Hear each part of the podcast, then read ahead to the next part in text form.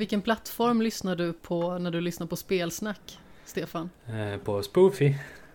Spotify. Ah, okej. Då var inte du med om att eh, förra avsnittet var censurerat? Nej, men någon vecka innan det då var det två likadana avsnitt efter varann. Det är det enda jag har märkt som har varit en avstickare. Ja, det var så att eh, eh, Johan råkade ladda upp det gamla avsnittet igen. Men för, vi hade ju, förra avsnittet hette ju sexnovell I i morsekod. morsekod. Ja. Och det tyckte inte Apple om. Så att Oj. de la inte upp avsnittet. Nej, men precis. De accepterar inte riktigt det. Skämshögen har ju ett avsnitt som heter Blinkar du så missar du skit. De censurerade svenska ordet skit, så det Mm. står S stjärna stjärna T. Mm.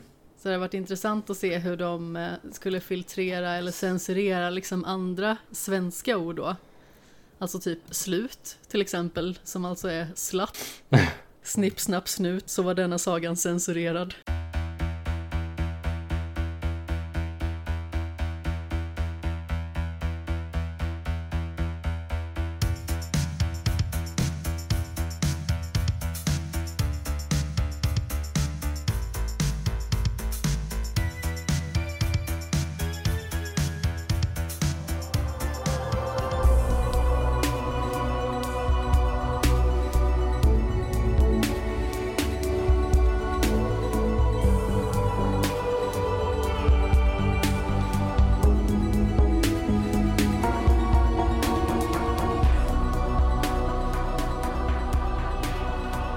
Och hjärtligt välkomna till det 73 avsnittet av Skämshögen med mig Amanda Sten och med Jimmy Seppele. Hallå! Och uppe i de norrländska skogarna Stefan Nieminen Norlin. Hallå! Hallå! Tjena!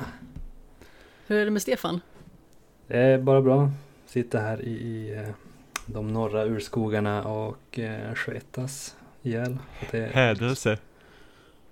Hur är det möjligt? Vad ska Ni man har ju istid där Va- uppe. varför ska man bo i norr om man måste svettas? ja, det undrar jag också. Vad är det här? Känner mig kränkt. Jag antar att du sitter så här och svettas i två grader Celsius.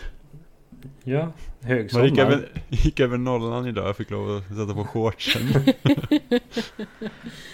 Solbriller, nätbrynja och shorts. Dygnet runt. Det känns lite Stefan ändå att köra nätbrynja. Är det verkligen lite Stefan? Mm. Stefan, är det Stefan? Har faktiskt aldrig använt nätbrynja. Jag tycker det är lite... Det känns lite hillbilly nästan. Lite redneck. Ja, Det känns inte riktigt okej va? Uh, Om ni sitter där ute och har på er nätbrynja, skriv in till chamsogen.gmail.com nätbrynja Det- det är som- camo-shorts. det är som att man inte kan bestämma sig om man vill sitta och sola utan tröja eller bara ha ett linne på sig. Man bara äh. Man kanske vill ha permanent fishnet på kroppen liksom. När man bara, vad är dagens mood? Kassler.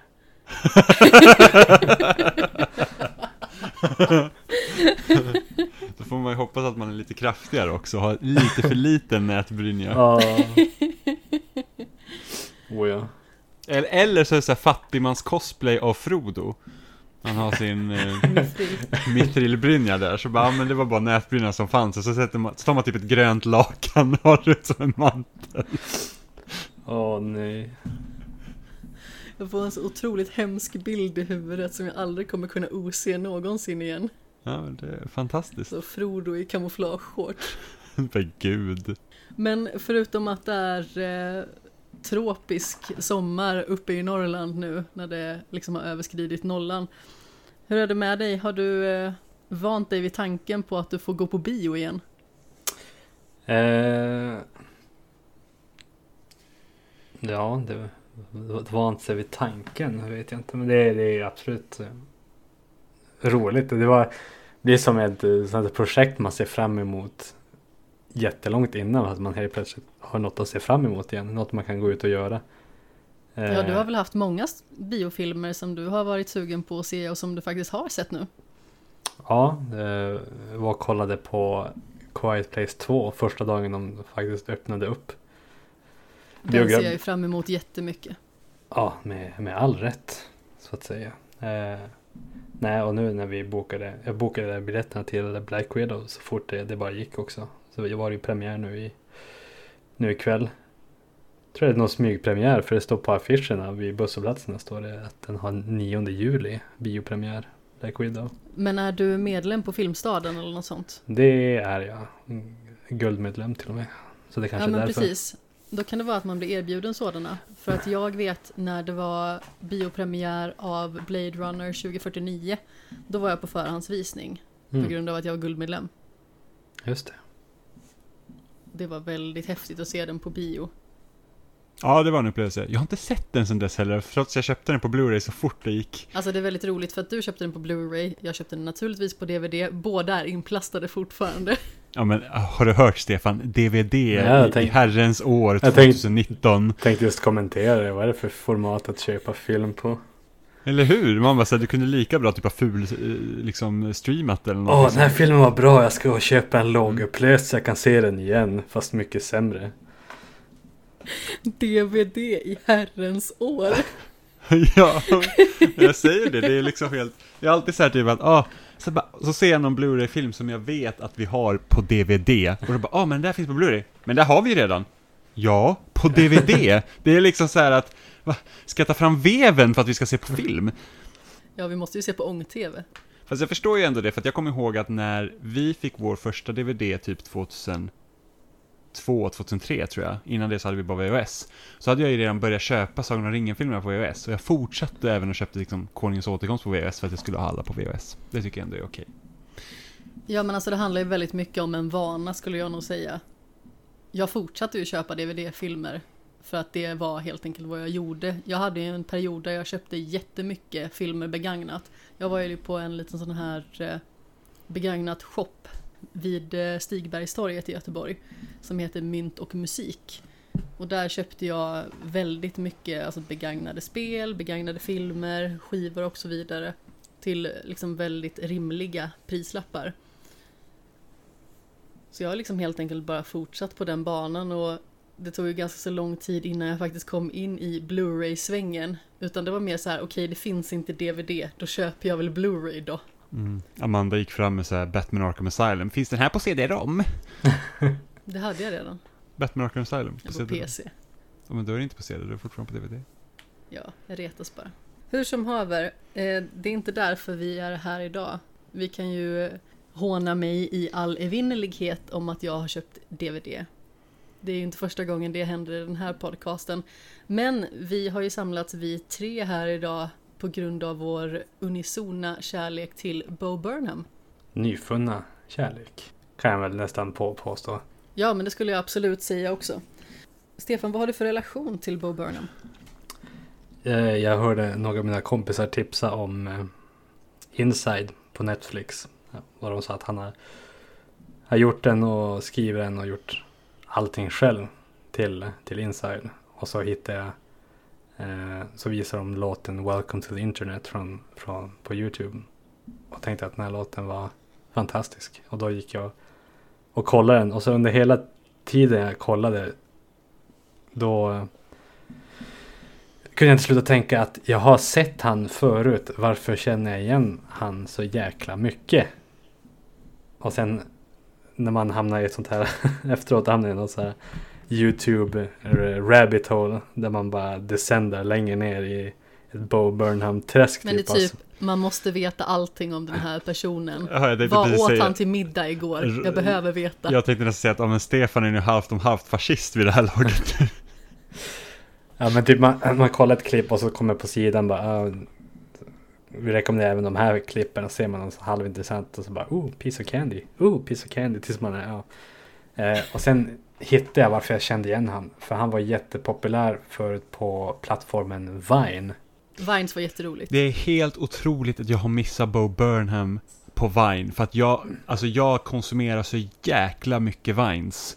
Jag älskade verkligen den plattformen, men jag har inte liksom sett någonting från Bo Burnham. Jag hade inte Vine på min telefon själv när det begav sig. Men jag har sett mycket på YouTube som folk har laddat upp. Typ Mm. Best Vines eh, compilations och sånt där. Eftersom att Vine-formatet bara var sex sekunder långt. Men då kommer jag ihåg många av hans Vines från många compilations. Jag bara, ah det är ju han. Och sen Ja. och efter det då, då var jag tvungen att gå in och kolla mer av hans specials, liveframträdanden han har på Netflix utöver Inside. Jimmy, vad har du för relation till honom? Jag hade ju ingen relation till Bo Burnham för att jag känner att jag är så här, jag är så dålig på namn och komma ihåg det överlag. Jag kommer ihåg hur folk ser ut, jag kommer aldrig ihåg vad de heter. Så att jag var så här, Bo Burnham, vad är det för någon ny filur? Och vi hade ju sett honom i Promising Young Woman. Och sen har han varit med i typ, Ja, så du borde ju känna igen honom för att han skulle ju spela dig i filmen om dig. nej, alltså de, det är vad folk säger tydligen, eller du säger. Jag liksom ser inte liknelsen. Alltså jag tycker att det är jättelikt. Förutom den uppenbara saken att han är typ nästan lika lång som du är. Så har ni väldigt lika ansiktsdrag. Så det, jag, jag kan liksom inte, jag kan inte relatera till det. Men alltså det är svårt att se sånt själv också Är naturligtvis. det nu jag drar fram mitt alter ego så bara. Jag har spenderat hälften av min vakna tid det senaste året i en liten lägenhet i LA och gjort inside. Nej. Så, så talangfull är minsann inte jag på musik, sång och dans. Ja, dansen tycker jag ändå att du sticker ut på. Jag tycker det. Jag är en liten så här hobbybalettedansös. Ja, helt plötsligt kommer ett och annat svanhopp här hemma. Men precis. Det, det, det, är min, det är lite av min specialitet, svanhoppen. Ja. Alltså när jag ska gå ut med valpen så är det så här, bara, men ta ett litet svanhopp från balkongen så är man nere sen. ja, men precis. Mm. Då slipper man fira ner henne så att hon kan sköta sina affärer där nere. Ja men precis, och mina, jag får ju träna mina svanhopp. Har du sånt Jag här trodde du lite, menade att du gick ut och bajsade samtidigt som valpen. ja. hoppar ut från balkongen med sånt där litet mini-paraply som balettdansör och så drar en sån här liten fot eh, ner och svävar sakta ner till marken från balkongen. Är det så du? Precis, exakt så. Men apropå svanar och bajs och sånt. Vi, det var ju för några veckor sedan så var vi ute, vi är liksom så här, det, det är änder som är här omkring. Jag kände bara så här, var Ja, jag, ska jag du måste, med jag det måste här? berätta, jag tror inte vi har berättat det i någon podd så det är lite synd, det här måste förevigas. Eh, men, men det finns, eh, det finns ett, ett, ett andpar som bor i närheten här som, som de liksom, Gräsänder. gräs, men änder. Ja, alltså jag ville bara förtydliga Ja, vad det var för precis. sorts Så att de, ja, ande, det är liksom Aladdins ande och hans Nej, partner. inte and, inte ande. jag skojar bara. Eh, men i alla fall de här två f- f- fågelfan. Aladdins gräsänder. Ja men det, det är de här fågelfänen som, som eh, bor här. Och valpen tycker det är jättekul, alltså min hund, tycker det är, som inte är en valp, tycker det är jätteroligt att, Är hon dvärg? nej det är hon inte, hon är väldigt liten. Eh, men hon tycker det är jättekul att jaga de här eh, änderna ibland. Så de står där på trottoarkanten, minding their own business, och hon bara åh gud, nu har jag min chans, nu ska jag jaga de här änderna. Så springer hon efter dem så här lite, ja, lite tultandes, liksom så här typ halvt galopp. Och de blir så himla rädda, så att den här liksom, eh, den här and, alltså, den, den manliga anden med, som är grön liksom. Handen. Ja, den, den, den blir så här, den blir skiträdd så den börjar liksom vagga iväg så här, Och sen helt plötsligt hör man bara så här, Då bajsar den på sig, så den går som liksom en hel rand. Så man tänkte så här, att så där ser det ut, det såg ju typ ut som den linjerade trottoaren. Det var, det var lite ofräscht faktiskt. Ja, de, vi tänkte ju sådär att de bygger ju om för ny cykelväg här ute Jag så att änderna änderna behövde sin egen liksom andväg. Ja, det var ganska kul. Så. Så det, var, det var kul, men det, det är sånt som man får se när man gör svanhopp och rastar valpen och lite sånt. Skulle du, skulle du säga att du hade en andlig upplevelse? Ja men lite faktiskt, jag känner så att jag och de här änderna kom lite närmare varandra. Ni är praktiskt taget bästa vänner nu. Ja men nu är vi nu känner jag att nu är vi det liksom. Jag får ju lite vara med på deras eh, swingerpartys och sådär, det är en jävla massa änder där ute. Du har hittat ditt spirit animal, äntligen. Ja men lite så kanske. Det ser ut som att de hade någon form av konferens för de hade en jäkla massa andvänner Ja Säger men man precis, så? ja men de hade... Alltså, på besök Ja, häromdagen. det såg inte coronasäkert ut, det ska jag säga. Nej, bara en decimeter från varandra och alla stod och badade fötterna i samma pöl. Ja men Inte precis. riktigt okej, Nej, alltså. alltså man hade ju nästan lust att s- sätta upp en arglapp där dagen efter. fan håller ni på med egentligen? Så här kan man inte bete sig. Är ni vaccinerade?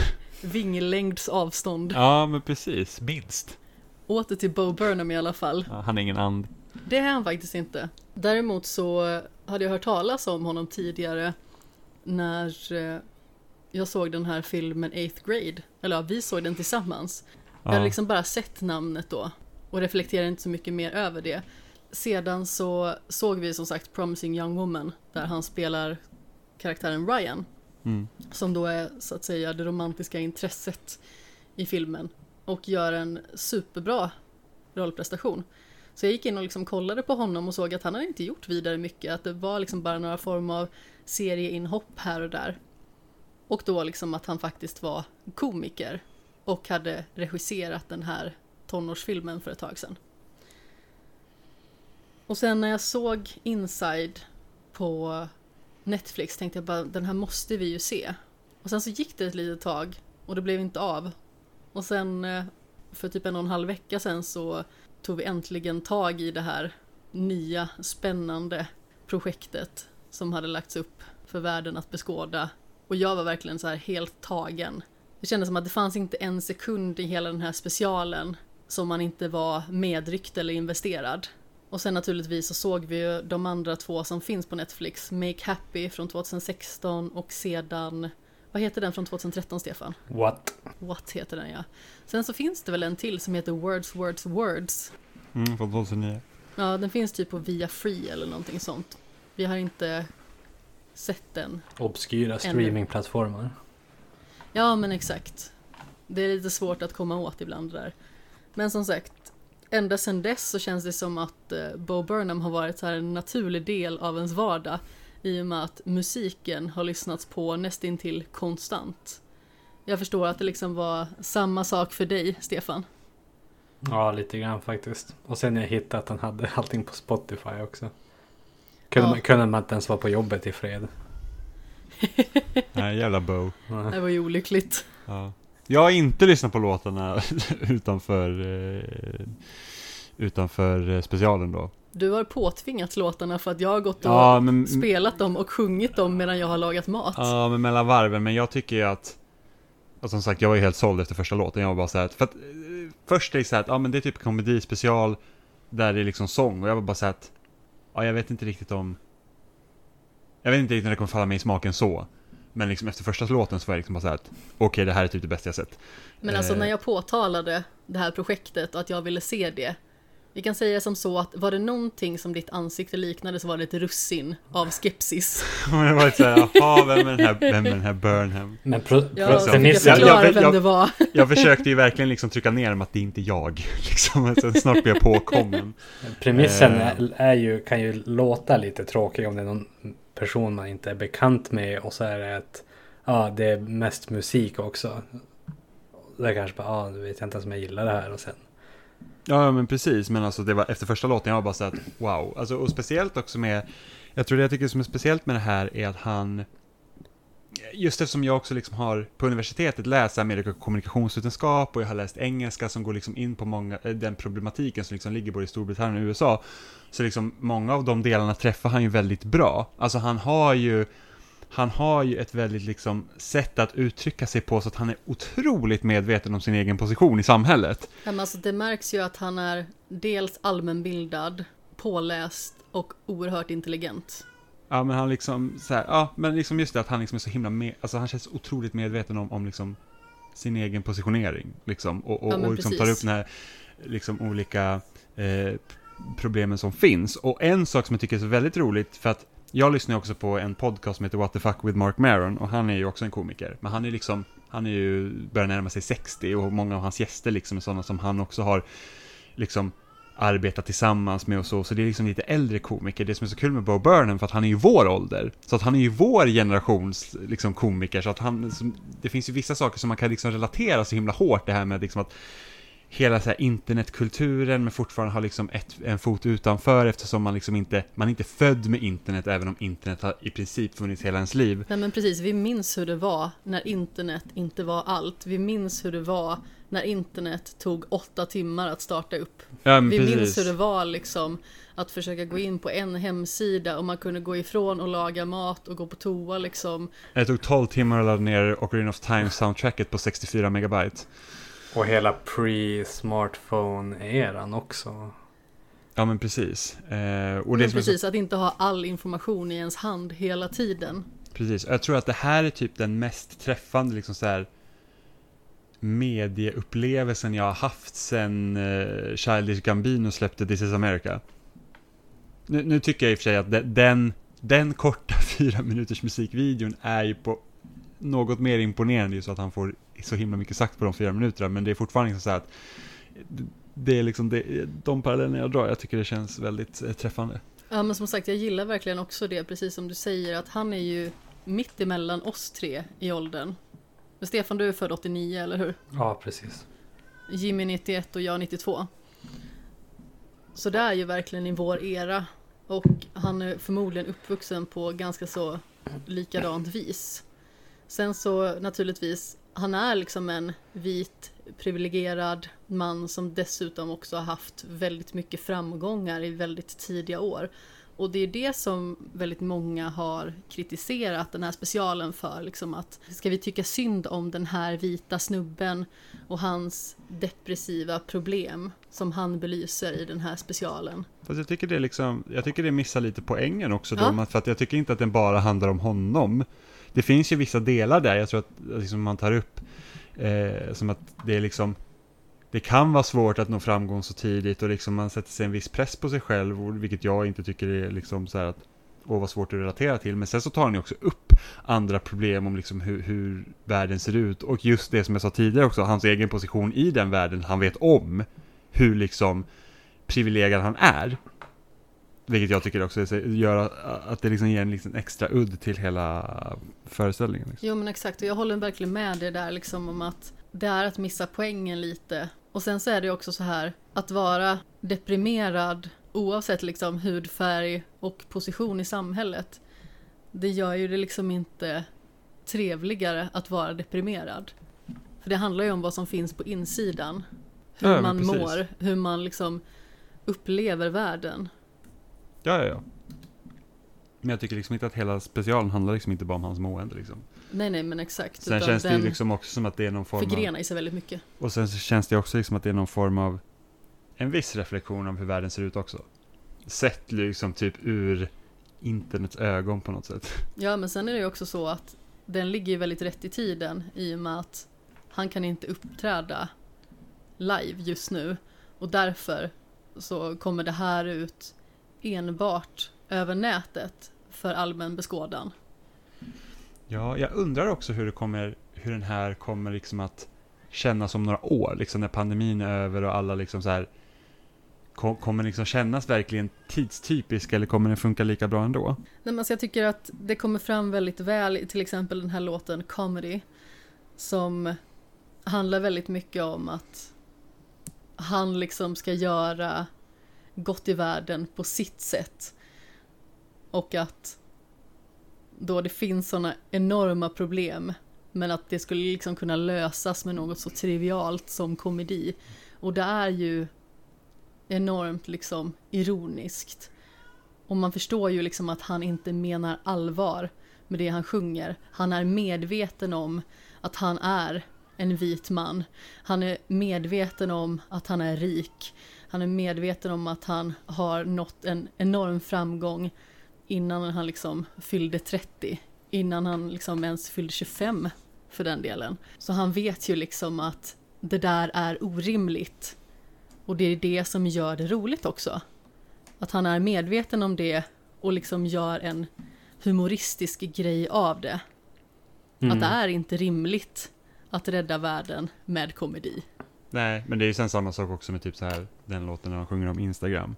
Mm. Och liksom så här bara att, åh, vi kan typ lägga upp bilder och sen så typ hashtag det här det här för att vi står för det här. Och sen så bara, jaha, men det, spelar det verkligen någon roll?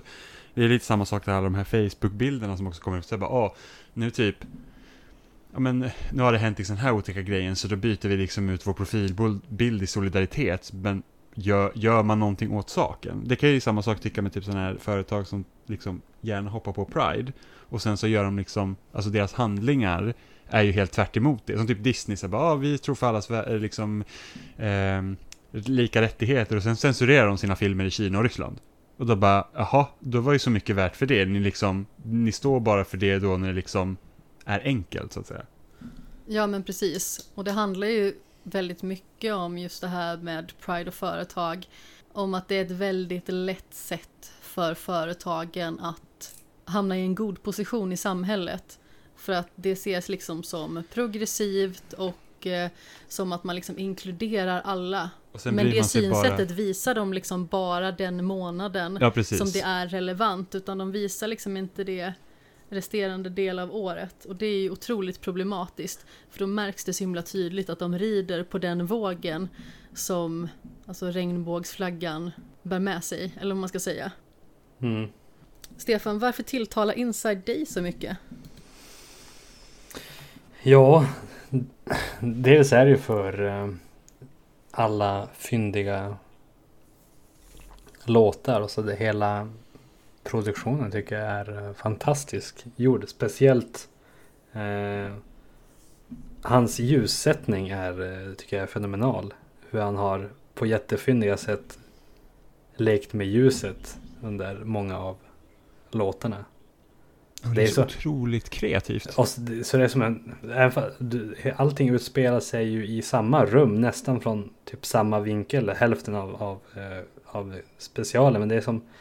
Han får ändå kännas så mycket större bara av hur han gör med allt ljus.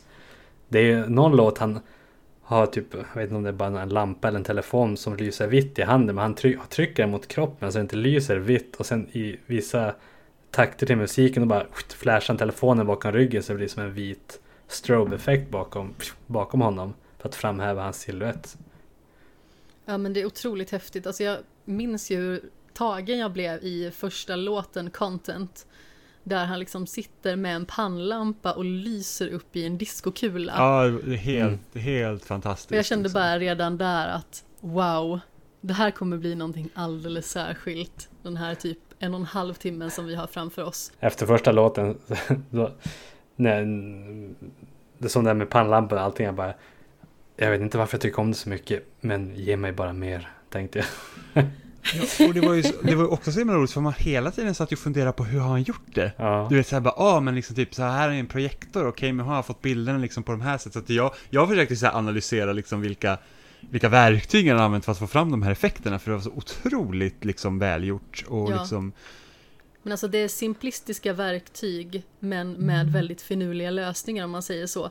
Han använder ju liksom allting som rummet kan erbjuda och han gör det på så himla många olika sätt. Att specialen får en enorm mångsidighet liksom som man nästan inte hade kunnat föreställa sig. Jag vill bara säga så, om man lyssnar på det här nu och känner att jag måste bara se det här. Gå och gör det först. Så att inte vi liksom avslöjar allting för att vi kommer liksom gå högt och lågt genom hela den här specialen som är inside. För att vi är liksom så investerade i det här projektet och eh, känner liksom att vi har nog en del vi behöver få ur oss. Så eh, kika gärna på den, finns på Netflix. En och en halv timme av ditt liv som du aldrig kommer ångra, förmodligen. Förutom Oliver som såg typ en kvart och bara så här. Ja, nej det här var inget för mig. Det, Han var, sjunger ju bara. det var för mycket musik, vart jag besviken och irriterad. Oliver så prinsen av Egypten en gång och bara nope, det här räcker för mig, jag vill inte ha så här mycket sång och dans i mina grejer att titta på. Jag tyckte det var så himla roligt för du kom in Stefan och bara så här, gillar man inte det här så har man ingen själ. Ja. ja, det var härligt. Finns det någonting mer med den här specialen Jimmy som liksom tilltalar dig så otroligt mycket? Ja, men alltså jag, jag tycker hela hantverket tycker jag liksom helt, alltså helt fascinerande vad han har gjort. Och sen när vi tittar liksom på de tidigare specialerna så jag är så här att vilken jäkla tur att pandemin inträffade så att han inte liksom började med stand-up igen utan han fick göra det här egna projektet. För jag hoppas att han gör fler sådana här saker. För man kan ju se hintar av det, speciellt i den specialen han gjorde innan. Make happy. Precis, för då, hade, då fick man även se hans eh, rum som han har i den här, så att han liksom, han tänker liksom lite utanför själva scenen till sina specialer, utan liksom han tar in lite grejer från hans liv utöver det. Eh, och det här var ju liksom bara det, och, och jag tycker att han är liksom så otroligt talangfull i det han gör, så att jag hoppas nästan att nästa liksom special ska liksom också vara skit i scenen, för att jag tycker att han har så bra dynamik med sig själv och att han kan styra allt med, med liksom eh, bästa precision. Så hoppas jag liksom att det blir så, för det, jag tycker det blir så himla mycket bättre. För att jag ser ju inte den här specialen så att åh gud vad rolig den är. Liksom det, det är inte humor för mig på det sättet. Jag tycker bara liksom att bara som ett hantverk är det otroligt imponerande. Alltså jag tycker ju att den är så otroligt många saker och den är i allra högsta grad humor. Jag vet inte hur många gånger jag bara skrattade rakt ut liksom av absurditeter, träffsäkerhet och så vidare. Men sedan så finns det ju många andra viktiga ämnen som verkligen kommer att typ slå en i ansiktet från ingenstans. Och det känns så himla spännande hur han har byggt upp det här. Och har man sett den här och inte reflekterat så är det naturligtvis han som har gjort allting. Han har liksom skrivit texterna, han har gjort musiken, han har spelat in, han har liksom varit den enda personen i varenda led. Allting kommer tillbaka till honom. Det här är hans till 100 procent. Och jag tycker att det är så himla fantastiskt att en person är kapabel att göra någonting sånt här som påverkar på så himla många olika vis. Och just liksom att det springer ur en pandemi. Det är ju liksom kanske inte helt oväntat för det är ju liksom många projekt som gör det liksom. Ensamhet, eh, man får inte göra det som man är tänkt att göra. Alltså man får ju veta det i den här specialen om man liksom inte visste det innan för att det har liksom varit eh, känt i intervjuer och sådant att han slutade ju att göra komediföreställningar live för att han fick eh, panikångestattacker. Och det började han få redan under den specialen från 2013. Så han oroade sig inför liksom varje föreställning att han skulle få en panikångestattack. Och bara den pressen och eh, det obehaget gjorde att han kände att det liksom inte var värt det. Så han liksom tog ett steg tillbaka bara för att liksom se efter sin psykiska hälsa. Och sedan kan jag tänka mig att för en sån kreativ person som behöver få ur sig så himla mycket uttryck så har ju den här pandemin både liksom fört med sig gott och ont. Vi har ju dels det liksom att han funderade på att återvända till att göra liveföreställningar men sedan kom pandemin och bara svepte undan det. Men ur det föddes Inside. Och det är ju någonting som är så otroligt mycket mer, för att använda ett tråkigt uttryck, unikt än vad liksom en sådan föreställning är. Jag tycker att både What och Make Happy, det är liksom bra föreställningar. Jag tycker What, där märks det liksom att han är mycket mer oslipad. Han är liksom 23 år gammal, lite valpig fortfarande. Det märks att han mycket mer har hittat liksom sin form och personlighet i Make Happy. Men här är det liksom som att det är full utblomning av alla uttryck som är möjliga något som jag verkligen älskar med honom det är liksom att han är en sån fenomenal skådespelare. Alltså trots att han liksom är typ, jag tror att han är 1,96 lång eller någonting sånt. Så har han en sån enorm kroppskontroll och kan förställa kroppen på väldigt många olika sätt. Så att det passar in i alla de här olika låtarna och de här olika sekvenserna som man får ta del av. Och också minspelet är ju otroligt träffsäkert. Jag vet ju att du gillar ju den här eh, White Woman's Instagram, Stefan. Mm, den är bra. Där märks det också jättetydligt tycker jag att han har anammat hur liksom kvinnor för sig, ser ut och liksom framställer sig i sociala medier. Alltså både liksom kroppsligt och alltså hur de förställer ansiktsdragen. Mm. Jag tycker att det var otroligt fascinerande att se. Faktiskt. De flesta av de här delarna blir ju nästan som en liten, liten musikvideo, skulle man kunna säga. Ja. Och just den i synnerhet, för där är det liksom att han går igenom en lång rad av olika företeelser som man stöter på. Och då är det liksom allt ifrån eh, menar, att skriva poesi i sanden till eh, en golden retriever med en liten sån här blomsterkrona på sig. Till små pumpor kvinnor som eh, går i för stora skjortor och så vidare. Mm. Under den tycker jag också att han är så otroligt duktig på ljussättning och kameravinklar och perspektiv och verkligen, han, han nailar allting tycker jag under själv den låten. Allt han försöker liksom göra parodi på. Det är som, ja. Så spot on, allting. Ja, men alltså där är det väldigt tydligt liksom parodiskt. Men det finns ju liksom inslag av alltså, alltså parodi och eh, sedan så finns det liksom jättetydlig samhällssatir. Och naturligtvis så är det liksom sånt som bara rent av är uppenbart komiskt. Och sedan så finns det såna här grejer som känns så otroligt verkliga och som gör att man alltså, sugs in i det hela. Jag vet en sån grej som jag tyckte var väldigt stark. Det är den här eh, sekvensen All Time Low.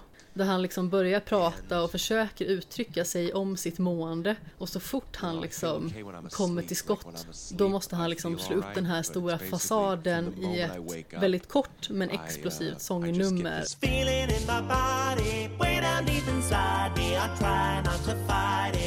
Describe it. Alright, a few things start to happen. My vision starts to flatten. My heart it gets to tapping, and I think I'm gonna die.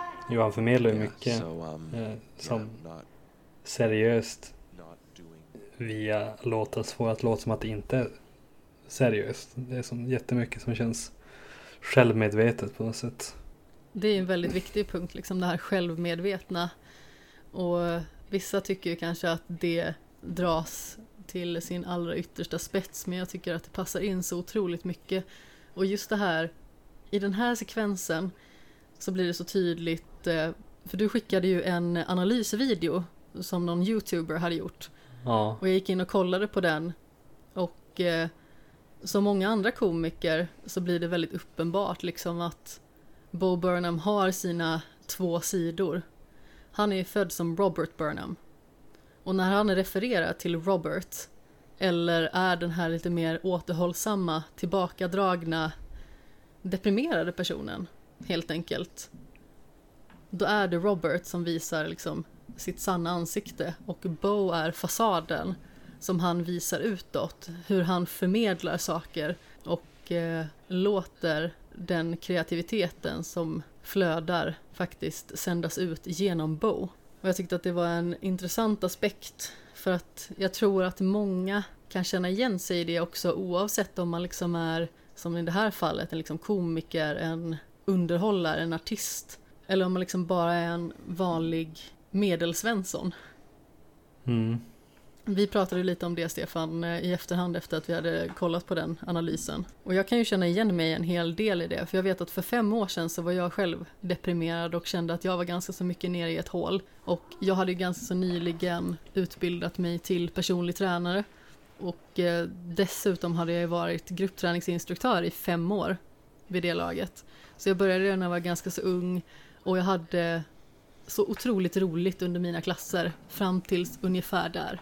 Och då var det liksom som att ingenting utanför min liksom egna zon var roligt. Det var väldigt sällan som jag mådde bra eller liksom kände så här ren glädje under den här tiden som jag liksom kan minnas. Utan när jag var på jobbet till exempel, då visste jag inte hur jag skulle nästan bära mig åt för att behålla masken på. För att jag kände typ att jag fejkar nästan hellre min död än att gå ut och låtsas att jag mår bra inför den här personen. Ursäkta, det lät, det lät som en... den, den, de, den väggrenen du valde mellan. Lät som så extrem. Ja, ja men alltså det var liksom så jag kände. Jag bara så här, jag vet inte vad jag ska göra. Så ska jag låtsas att jag svimmar eller ska jag bara falla ihop någonstans och folk bara liksom så här får plocka upp mig och ta hand om mig så att jag slipper låtsas att jag är den här positiva, trevliga personen. Och jag kan ju många gånger känna att jag har liksom velat vara instruktörs-Amanda eller personlig tränare-Amanda alltid. För att det är en så mycket så här mer trevlig och rolig person än vad jag, i alla fall under den perioden i synnerhet, var privat. För att jag kände mig väldigt sorgesam, isolerad och ensam. Och hade liksom svårt att ta mig ur det. Så det var ju liksom varje gång jag skulle till ett arbetspass, då var det instruktörshatten på. Då var det fasaden som behövde åka upp och bli liksom typ en helt annan person som eh, skulle försöka alltid visa det positiva och som skulle inspirera och som skulle se till att människor gör sitt bästa när man själv känner att man inte kan göra sitt bästa och när man själv känner sig extremt oinspirerande bara vill sitta i pyjamas, äta glass direkt ur burken och helst bara så här kolla upp i taket eller om man faktiskt lyckas med det, spela videospel. Så jag kan verkligen känna igen mig i den där liksom fasaden, även att han som sagt är en mycket mer talangfull person på alla sätt och vis och är liksom i en annan position i samhället. jag kan känna igen mig i att man verkligen sätter upp ett hårt skal där man försöker visa upp någonting som man för tillfället absolut inte är. Mm. Jag kände att det blev väldigt deprimerande och eh, mörkt nu i den här podden så jag tänker att vi kanske ska gå vidare innan vi gräver den här gropen eh, för långt. Då tänker jag så här, vilket segment gillar vi bäst i den här specialen? Om vi börjar med dig Stefan. Ja, jag måste, jag måste nästan säga själva själva ljussättningen på allting. Hur han gör med lampor och även... Ja, jag tänkte liksom mer som eh, liksom en sketch eller en, Mhm. en låt hur den Jaha, framförs. okej, du tänkte så. Uh, hmm. Jag är ju Jag är ju väldigt stort fan av Welcome to the Internet. Det är så mycket humor och sanning på samma gång. Ja, absolut. Eh, de, de tog upp det i, i den här analysvideon du pratade om också. Att han är lite som en eh, internet villain lite grann. Som försöker locka in. Det är, han är lite som den här eh, gubben. En cyberskurk. Han är som gubben i en van som lockar ungar med godis ungefär. Fast han kommer här med sitt internet. Precis, välkommen till internet. Ja. Vad vill du ha för någonting? Ja. Jag har det här i bakfickan. Ja. Kom Och det som även nämndes liksom i analysen var en väldigt intressant aspekt i att han faktiskt har rymden i bakgrunden som ljussättning.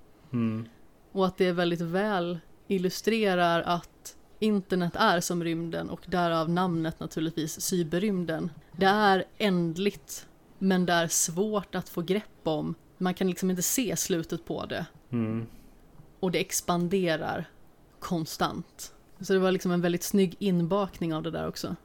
ja.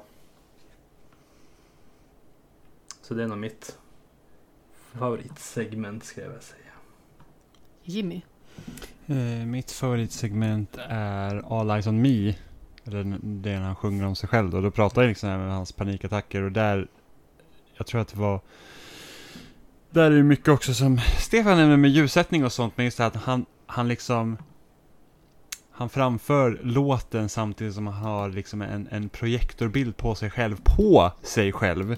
Så man liksom får se allt två gånger eh, samtidigt. Vilket liksom då skulle illustrera sig att han är både eh, liksom den här eh, artisten samtidigt som han också är den här personen som inte mår speciellt bra. Mm. Eh, och jag- liksom, man, man känner sig också helt tagen liksom av, av den för att det var sånt otroligt stort fokus liksom just på honom där. Eh, så det tyckte jag var väldigt snyggt. Ja men precis att han står där med sin låtsaspublik egentligen.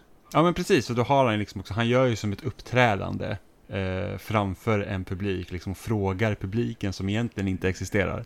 Utan den finns bara där för honom. Ja men precis. Eh, och liksom så här känslan han får liksom att på något sätt står han i centrum och kanske inte riktigt är bekväm med det heller. Precis. Och, och hur han liksom illustrerar det med liksom den här projektionen av honom på honom tycker jag är så himla snyggt.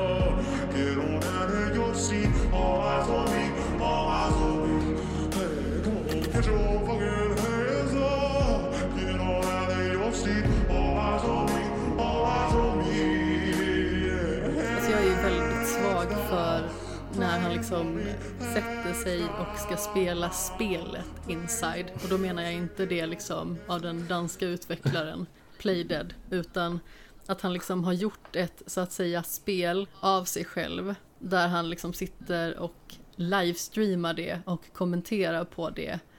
Och styr sig själv. Och där är ju också den här delen med att det då skulle vara Robert som han styr.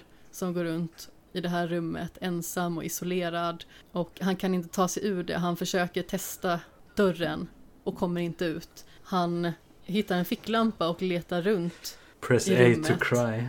Ja, och det är också så himla roligt. När han liksom så här, ja nej nu vet jag inte riktigt vad jag ska göra med, jag antar att jag gråter igen då. Eh, och sen så hittar han pianot och så spelar han det en liten stund. Och sen när han är klar med det, ja men jag trycker väl på A igen för att gråta då. Så det tycker jag är ett väldigt snyggt segment. Jag tycker också att det är väldigt roligt att eh, han säger eh, något i stil med att han får liksom så här oerhörda Death Stranding-vibbar.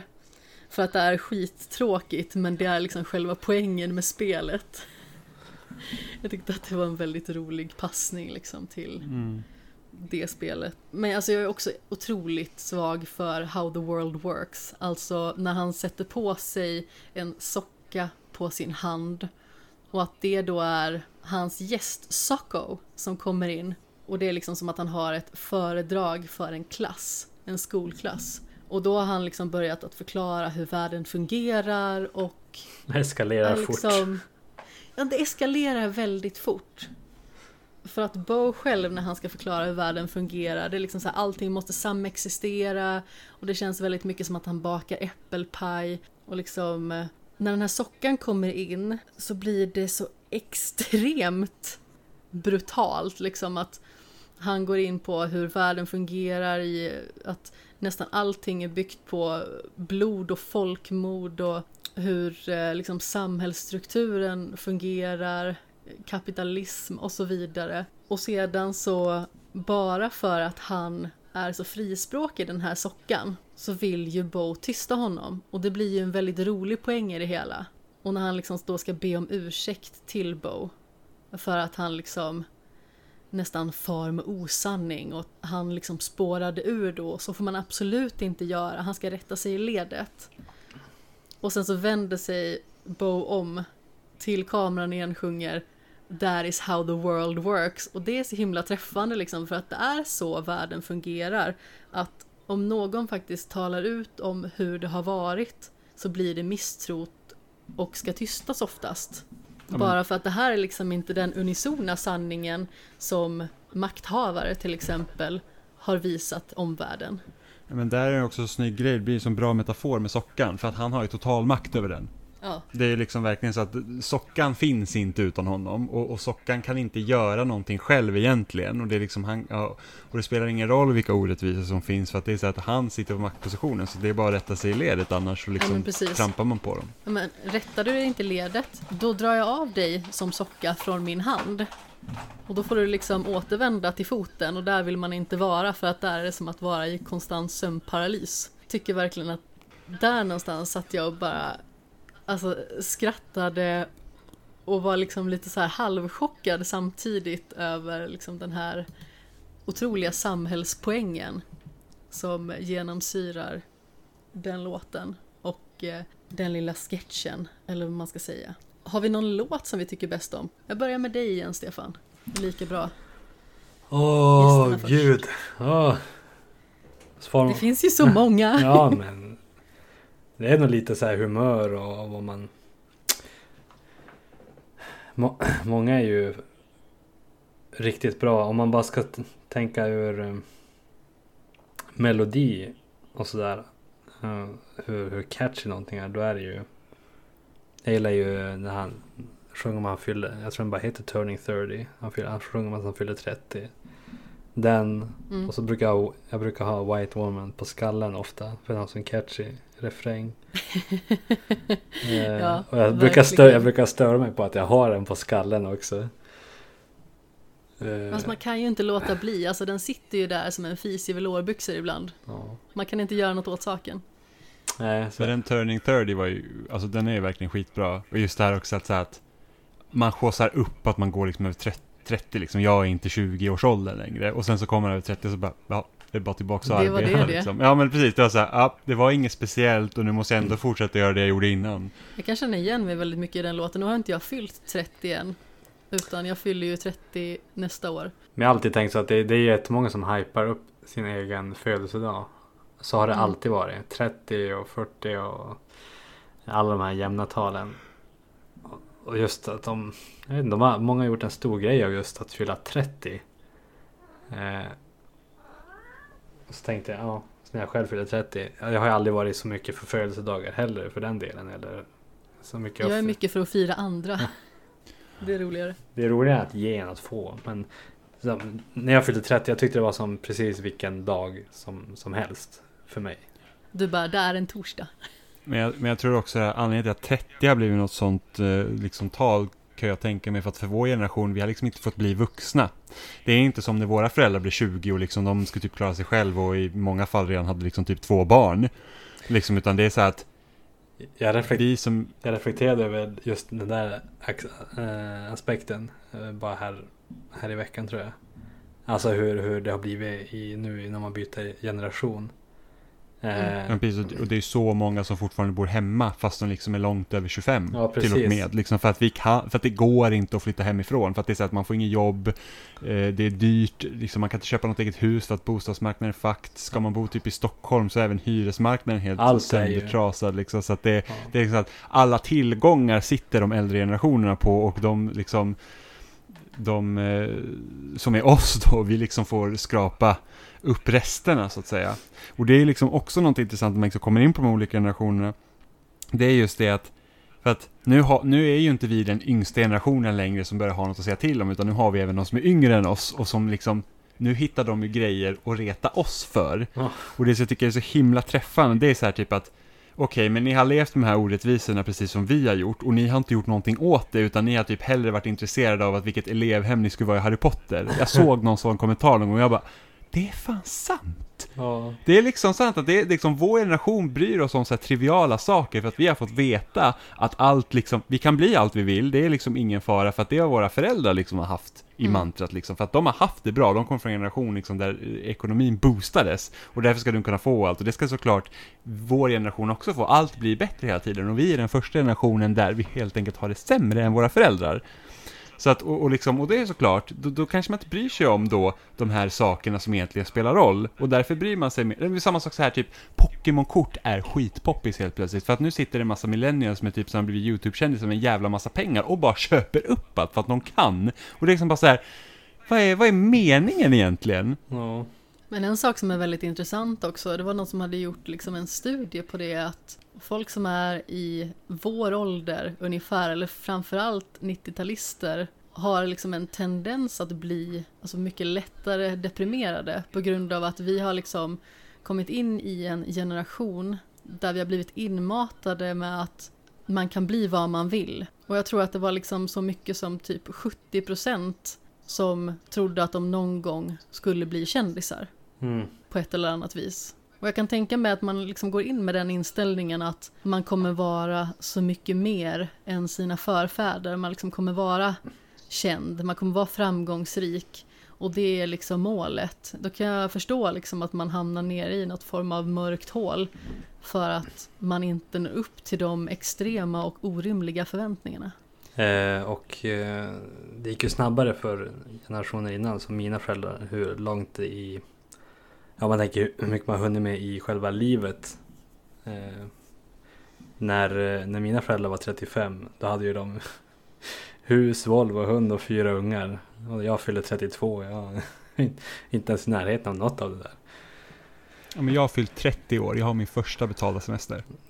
Ja, allt har som skjutits framåt. Eh, Ja. Du, nu pluggar man ju fram tills man är så gott som 30 i princip.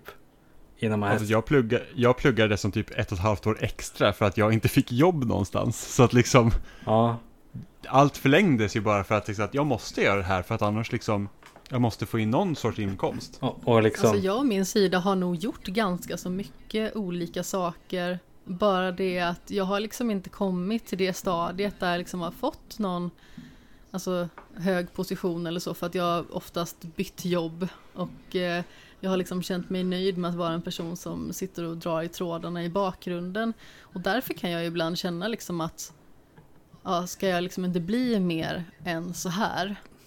Samtidigt kan jag ändå känna att varför måste jag bli det? Alltså jag är otroligt nöjd med mitt jobb. Jag trivs med det jag gör. Jag trivs otroligt bra med det jag gör på fritiden. Eh, jag har en sambo jag älskar. Jag har tre stycken superfina husdjur liksom. Vi bor trevligt, vi har liksom inga ekonomiska problem på något vis. Utan vi lever ett jäkligt trevligt liv och har fantastiskt roligt tillsammans.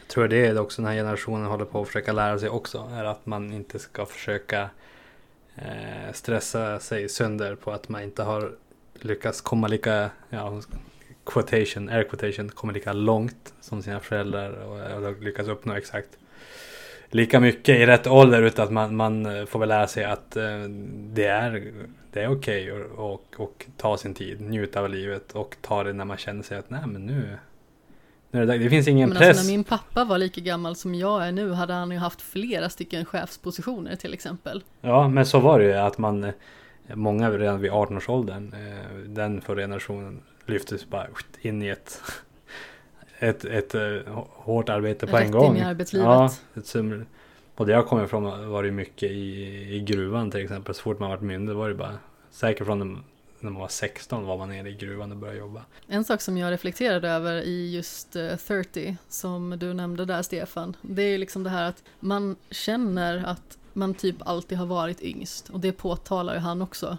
Det hade jag ju väldigt länge och jag hade lite svårt att acceptera att helt plötsligt så finns det människor som faktiskt är yngre än jag i sammanhang där jag existerar. Mm. Jag tyckte att det kändes skitkonstigt. Även liksom det här då att nu är jag 29, min mamma är i år exakt dubbelt så gammal som jag, vilket betyder att när hon var 29 så föddes jag. Och i den här låten Vänta va? så sjunger han också liksom, vänta va? Vad sa du? Sa du att hon är dubbelt så gammal som dig? Ja, två gånger 29. Ja, men... Och, ja, jag vet inte varför jag började tänka på siffran 18. Jag fick en mindfuck där. Jag, jag bara, vänta. Vad är det här? Du är så övertygad om att jag är 18 Stefan, Ja. för jag ser så ung ut. Ja, precis. Innan du fortsätter, jag måste... Min katt håller på att dampa sönder. Jag måste släppa ut katten. Vänta. Två Jag sekunder. jag måste slå katten. Ja. Jag ska lära den en läxa. Vänta. ska daska katten. Kommer kissi kissi, dags, dags för smiski smiski. Sådär ja. Nej men eh, det jag skulle säga var att det känns ju väldigt mycket som att eh, den sista biten av låten 30 passar in väldigt väl för han sjunger Now my stupid friends are having stupid children. My stupid friends are having stupid children. My stupid friends are having stupid children. My stupid friends are having stupid children. och det kan man ju känna liksom att jag som snart 30 år har inte barn och det är väldigt många runt omkring en som skaffar barn. Och som sagt, det är jättefint för dem. Mm. Och det är naturligtvis någonting som man unnar sina vänner, att det liksom ska gå bra och att de ska få skaffa familj och sådär. Men det känns ibland som att, Det känns lite som att när alla ens vänner håller på. Det känns som att man själv får en liten press. ja men precis, Va? alltså kanske inte riktigt press men i alla fall liksom sådär att Vad har jag gjort med mitt liv? det känns som att det förväntas Ja, av en ja. att det här ska vara någonting som du ska göra snart för att nu är det bara du kvar. Jag kan ju liksom känna att varje gång jag går in på internet så märker jag att det föds så jäkla mycket bebisar på Facebook. Till exempel. Mm. Så varje dag jag går in bara ny bebis, ny bebis, ny bebis. De är överallt, de bara tar över hela mitt flöde känns det som. Och som sagt, jag missunnar absolut inte någon alltså deras lycka. Däremot kan man liksom känna att det kan vara lite jobbigt att vara den personen som inte har barn. Mm. För att på något vis så känns det som att alla förväntar sig eh, att man ska skaffa barn. Och i synnerhet liksom när man har en fast partner sedan ett tag tillbaka. Och jag vet det redan liksom för eh, många år sedan när jag hade haft fast partner eh, och hade det i sex och ett halvt år ungefär. Under hela den perioden så fick man ju liksom armbågar i sidan liksom att nästa gång så är det väl er tur. Och jag känner liksom att det får ju ta den tiden som det tar. Är det inte okej att vara nöjd med sin tillvaro utan att ha barn?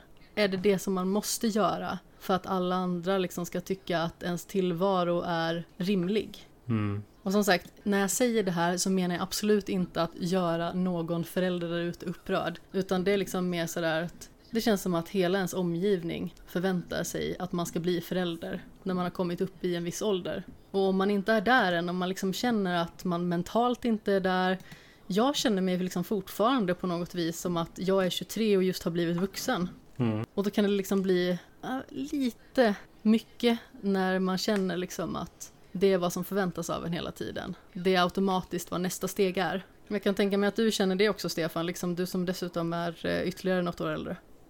Nu får du mig att låta asgammal när du säger sådär. Ja, du Stefan som redan har ena benet i kistan. Ja Mm, men precis, alltså, du har ju praktiskt taget eh, skägg som Gandalf för det här laget. Du som nästan är generationen över oss två här. det. Ja, men precis. Hallå din boomer när jag ska skaffa barn. Ja. ja, du är ju född på 80-talet. Ja. Ja, du är ju snart 40. Oh. Oh, brinn Jimmy, brinn! Män kan skaffa barn när de vill. I princip. Mm. Om vi ska vara sån så kan kvinnor det också. Man kan också adoptera. Jo, jo, men jag tänkte biologiska barn. Men som sagt, det finns ju väldigt många olika sätt att skaffa barn på om man så vill. Ja, kan springa in på Ica och sno ett. Din Leos- favorittaktik. Leos lekland. Ja. Finns ett gott urval.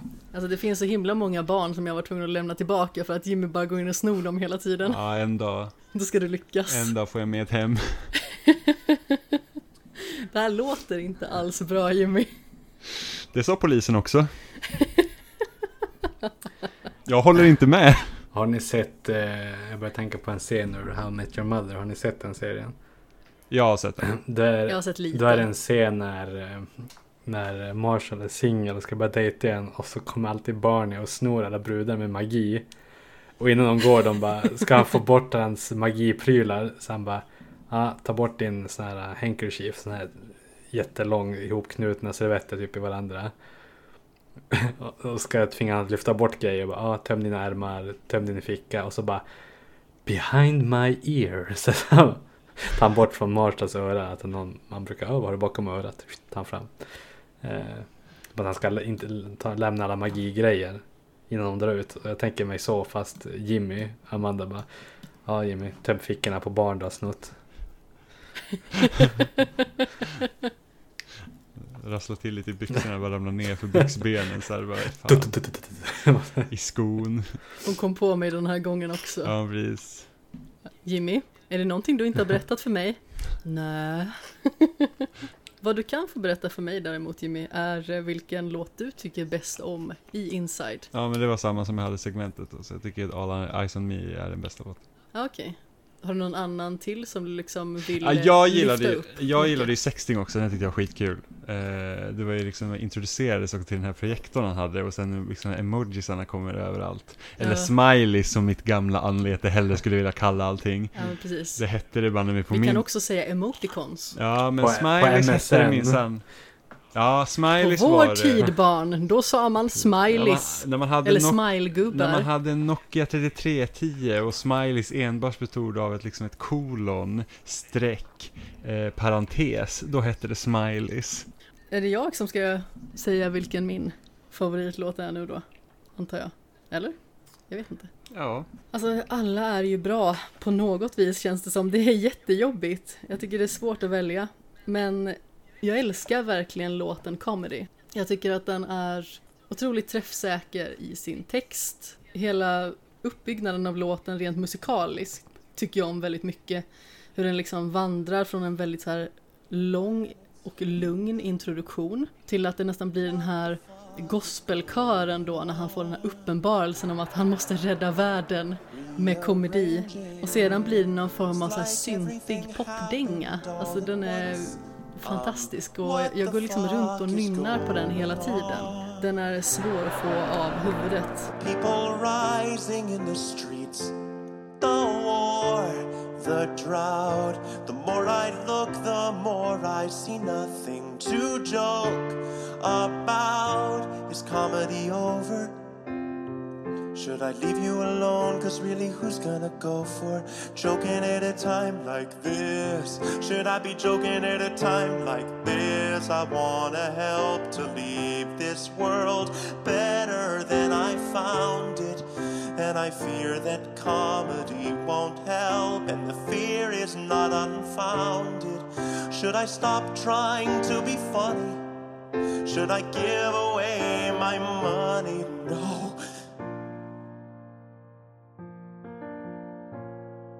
What do I do?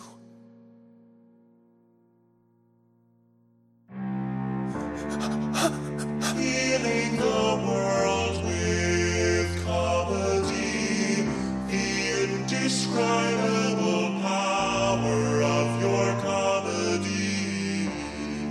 The world needs direction from a white guy like me who is healing the world with comedy. Eh, Den enda gången sedan jag såg Inside första gången, för att jag kollade på den en gång till idag nämligen. Den enda gången, Så skurkaktigt. ah, jag ber om ursäkt för att jag inte inkluderade dig i Precis, detta sidoprojekt. Ja, man måste jobba häcken av sig.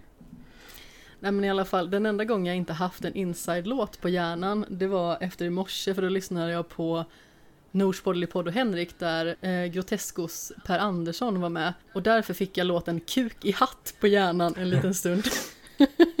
Den är också bra. Också bra. Oförskämt Också catchy. väldigt orimlig. ja, jag vet. Det är lite jobbigt och när jag liksom sa det till Jimmy att jag har fått Per Anderssons kuk i hatt på huvudet. Han bara kollade på mig och skakade på huvudet och bara undrade vad det är han tillsammans med ens. Jag var inte förvånad. Vadå inte förvånad? Vad menar du med det här? Tyckte det var väldigt on-brand att få kuk i hatt på hjärnan. Nu får du allt förklara dig tycker jag. Jag tycker det förklarar sig självt. Att jag brukar ha kuk i hatt. Ja, man får ju, man får ju springa undan här hemma, annars kommer en lite förklädnad. Kommer springande med ett litet plommonstop bara Jimmy, Nej, nu är det tack. dags. Nej, jag blir så här never nude. Man vet aldrig när hattarna kommer fram. Får en väldigt rolig bild i huvudet nu. Måste jag ju säga. Mm, sorgligt. Jag antar ju att eh, lyssnarna också får en väldigt rolig bild i huvudet. Helst inte. Ja, säg inte det. Oliver tänker väl alltid på Jimmys slang ändå så att eh, Har du också börjat säga schlong? jag har fått det från hur ni skriver när man läser. Så jag bara hänvisar till hur, hur det skrivs. Ja, men det var ju eh, Oliver som eh, under ett spelsavsnitt för några veckor sedan hade SM i mängd olika synonymer till penis. Och det var det också faktiskt eh, din som var i centrum där, Jimmy. Mm, vad ovanligt. Ja, eh, det känns liksom som att eh, Oliver är väldigt fascinerad av din penis. Mm, penis är myten, legenden. Ja, exakt. Det hade också varit ett bra avsnittsnamn, men jag gissar att det blir censurerat. Ja, precis. Apple är inte speciellt nöjda det här med naturliga saker. Nej, men precis. Eh, Sånt kan vi inte ha med oss. Vi kunde döpa ett spelsnackavsnitt till Går det att browsa porr men inte till sexnovell i morsekod. Jag tycker det är ganska censurerat redan bara det. Att ha en eh, sexnovell i morsekod. För det är inte alla som kan morse. Nej, men definitivt. Och sen så, jag har ju massor med avsnitt som heter snusk och eh, dylikt. Ja, ja, men vad händer om vi döper vårt avsnitt till nummer sex? Då bara app, app, app! De tre magiska bokstäverna tillsammans, oj, oj, Nu oj! gör ni ett sexnummer i Nu- podden nu här. nu måste det ni går tänka- inte med på. Nu måste ni tänka på barnen och de kristna. och konservativa. Hade, Ed, hade Adam och Eva löv för sina saker så kan ni också ha det. Internetlöv. Mm. Är det något mer liksom som vi har reflekterat över när vi har kollat på den här specialen? Somliga har ju bara fått se den en gång. Alltså du hade jättegärna fått vara med och kolla på min mobilskärm som är jätteliten. Mm, hon smög med den där mobilskärmen, jag hade ingen aning om att hon hade sett den en gång till. Ja men precis. Jag gjorde allting för att undanhålla det. Ja, jag känner det. Har du något att tillägga Jimmy som faktiskt rör själva specialen i sig? Nej, nej, det har jag faktiskt inte. Jag tror jag har sagt allt som som kan sägas. Men för, förutom att jag hoppas då, eller det har jag i och för sig sagt också, att hans nästa liksom projekt, soloprojekt blir liksom någonting liknande. Jag hoppas ju att han fortsätter skådespela också Ja, och får fler roller för att jag tycker att den rollen han gör i Promising Young Woman är otroligt bra och jag vet att det är liksom en film som jag har nämnt 71 miljoner gånger i den här podden redan men se den, den har kommit upp på bio ganska så nyligen nu liksom på svenska biografer. Bara gå dit, köp en biljett, det är otroligt väl värt pengarna, det är en fenomenalt bra film tycker jag. Den största skillnaden mellan hans inside och hans eh, tidigare specialer det är att han har kört live mest på ett piano så här, och lite förinspelat men jag tycker han gör sig som bäst när det är väl producerade eh, låtar. Inte bara det är ett piano och sång som det är för det mesta när han gör som en låt. Hela när det blir som en större helhet. Och, När han kan gå in och pilla lite mer i detaljerna. mm. helt enkelt. När han liksom får möjlighet att sitta och justera och vrida och vända på olika segment och perfektera, eller vad man ska säga. Något som jag reflekterade över när jag kollade idag, det var ju att han säger ganska så hyfsat tidigt i specialen att det kommer vara slarvigt ihopkastat, men det märks så otroligt tydligt att det är precis tvärtom och att ingen detalj i specialen lämnas åt slumpen för att han är en perfektionist ut i fingerspetsarna. Han vill att allting ska vara på ett visst sätt, även att det framstår som att det är slarvigt. Men ingenting är någonsin annat än liksom precis som han vill ha det. Jag är helt övertygad om det. Det känns som sådan han är. Mm. En sak som jag också reflekterade över när jag kollade idag, det var ju att den här Bezos 2, det vill säga den andra låten om Jeffrey Bezos i den här specialen. Första gången jag såg det så tänkte jag så här, det här var ett roligt och knasigt inslag. Men idag så reflekterar jag över att precis innan så pratade han om hur han blev stressad av att han först liksom inte såg slutet på projektet. Och nu när han faktiskt får möjlighet att avsluta det för att han liksom ser ljuset i tunneln på något vis så får han liksom panik av blotta tanken av att återvända till verkligheten på något vis. Och det jag inte tänkte på då första gången var att Bezos 2 känns liksom som att det finns där för att illustrera något form av desperat försök att förlänga specialen. Den är innehållsfattig och substanslös textmässigt för att han liksom inte har mer i bakfickan att ge. Mm. Det är min analys av det hela. Så kände jag liksom när jag såg det andra gången. För då kändes det liksom som att jag lite mer fattade grejen med den låten. För att han sjunger i mångt och mycket två rader i den. Fram och tillbaka, fram och tillbaka. Och det är kanske bara jag som övertolkar det hela ordentligt. Men eh, det var lite den känslan jag fick. Liksom att han vill inte att det här ska ta slut. För att då vet inte han vad han ska göra för någonting. Mm. Utan han gör liksom en ansträngning att försöka förlänga det här. Precis som att liksom artister som egentligen kanske sjunger på sista refrängen släpper album efter album som inte är tilltalande för att själen finns inte kvar där. Ambitionen som fanns tidigare finns inte kvar. Kreativiteten finns inte kvar. Utan det blir liksom bara tomma ord och kanske lite halvsvängig musik. Mm. Det börjar bli dags att eh, runda av det här kanske specialavsnittet eller vad man ska säga då. Gjort en specialare om en specialare. Special, special, min favorit. Specialception. Något annat som Oliver störde sig på när, det var, när den liksom mem var ny var det här med att så fort det är två stycken grejer så bara ah, någonting, någonting, seption. För att det finns ju inte det, för att inception är ju ordet. Mm. Mm. Precis. Mm. Så vad börjar man göra då? Man börjar mer med seption-skämt för att det var så himla kul att reta Oliver. Ja. Det är faktiskt väldigt roligt att reta Det är Oliver. som när man tittar sig själv i spegeln. Oh, en sepception. Ja. Det var dålig Göteborgshumor Jimmy. Ja, jag vet, man börjar ju präglas av det. Ja men precis. Västkusten färgar av sig. Mhm. Vrids Göteborgshumorn upp till typ tusen om en göteborgare blir, blir farsa. Ens dad humor. På toppen av Göteborgshumor. Ja men det känns ju liksom som att det är två stycken linjer som korsar varandra på något vis. Det är Göteborgshumorn och det är pappahumorn. Och där sker en liten, liten explosion. Så måste det vara. Sista ord om Inside hörni. Stefan, jag börjar med dig. Skitbra. Se den. Om ni inte har gjort det redan. Ja, precis. Stefan sa det bra. Se den igen om ni också vill se den igen. Eller ser den en tredje gång. Blir den en Inception med Inside. Det här funkar inte alls. Jag ska säga Inside, så tänkte jag jag sätter ihop Inception och Inside och så blir det ju Inception i alla fall. Så att eh, jag bjuder på den. Inside, Det blir- inside Ja, det blir Inception. Gå och se Inception också. När ni ändå håller på att se saker. Se Inception. Ja, Ja, gör det. Och sen kan ni se Natasha Peires recension av Inception. ja, bara det är liksom värt det hela. Är det liksom inte sådär att det avslutas med ingenting är bättre än Avatar? Jag, jag minns inte. Jag vet att Gustav har en grej för den recensionen. Att den är faktiskt otroligt rolig och Ja. dum. Ja, det känns som att inte jag gjort någonting annat än att babbla på, för det kändes som att jag hade en del jag behövde få ur mig om den här specialen. Det var därför jag liksom kallade till öråd, eller vad man ska säga. Nu röstar vi ut Amanda, Stefan, så fortsätter vi själva. Vi tar över den här nu. precis. Vi har, vi har ingått i en pakt. Jag lämnar in så får ni eh, fläta varandras hår och Ja. måla varandras naglar eller någonting Skick, sånt. skicka Amanda på plankan. Japp. Jag eh, går på plankan in till eh, redigeringsbordet. Men eh, avslutningsvis så vill jag ju liksom bara säga att det är inte så jätteofta som man stöter på någonting sånt här som slår så pass hårt och som är svårt att sluta tänka på. Det är inte varje dag som man ser någonting där man bara liksom vill fortsätta att konsumera det om och om igen. Och liksom fortsätta att lyssna på musiken för att man inte kan låta bli. Och vill se om det här projektet då en och en halv vecka efter. Och jag bara kände att det var så starkt på något vis.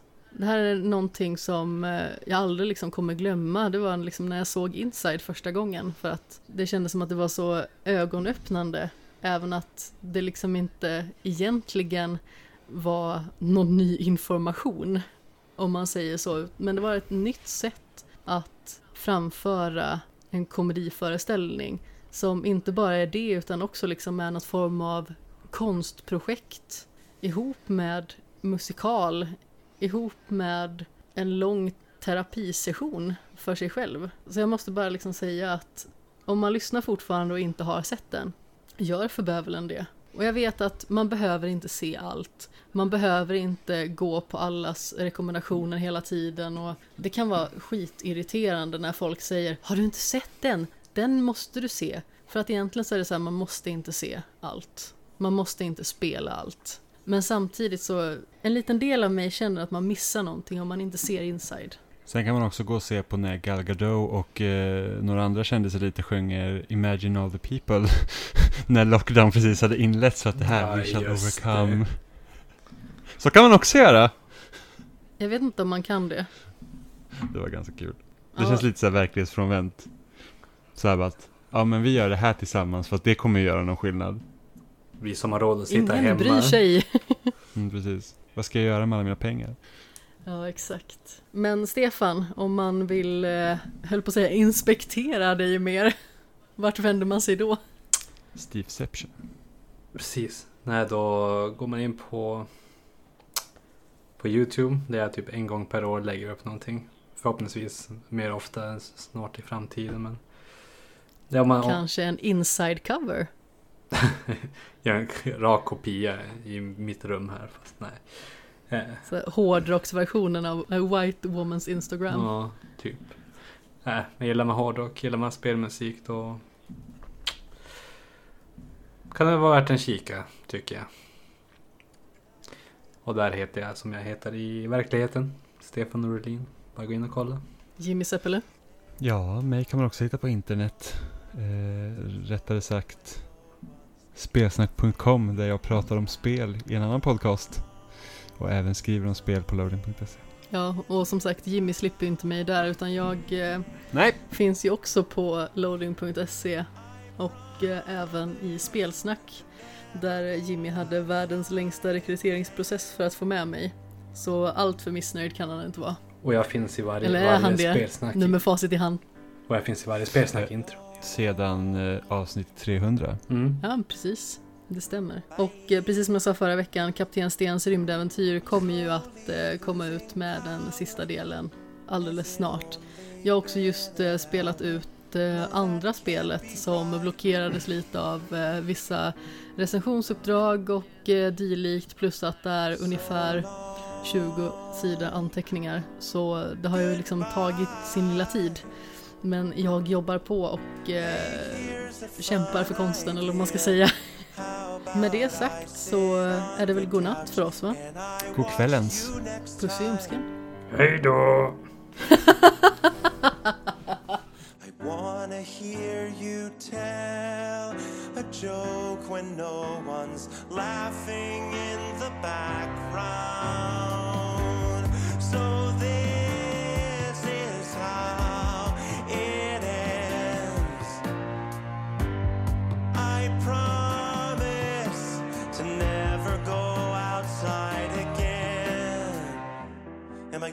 Crazy, What I even know?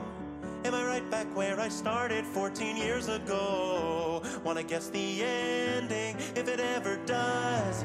I swear to God that all I've ever wanted was a little bit of everything all of the time.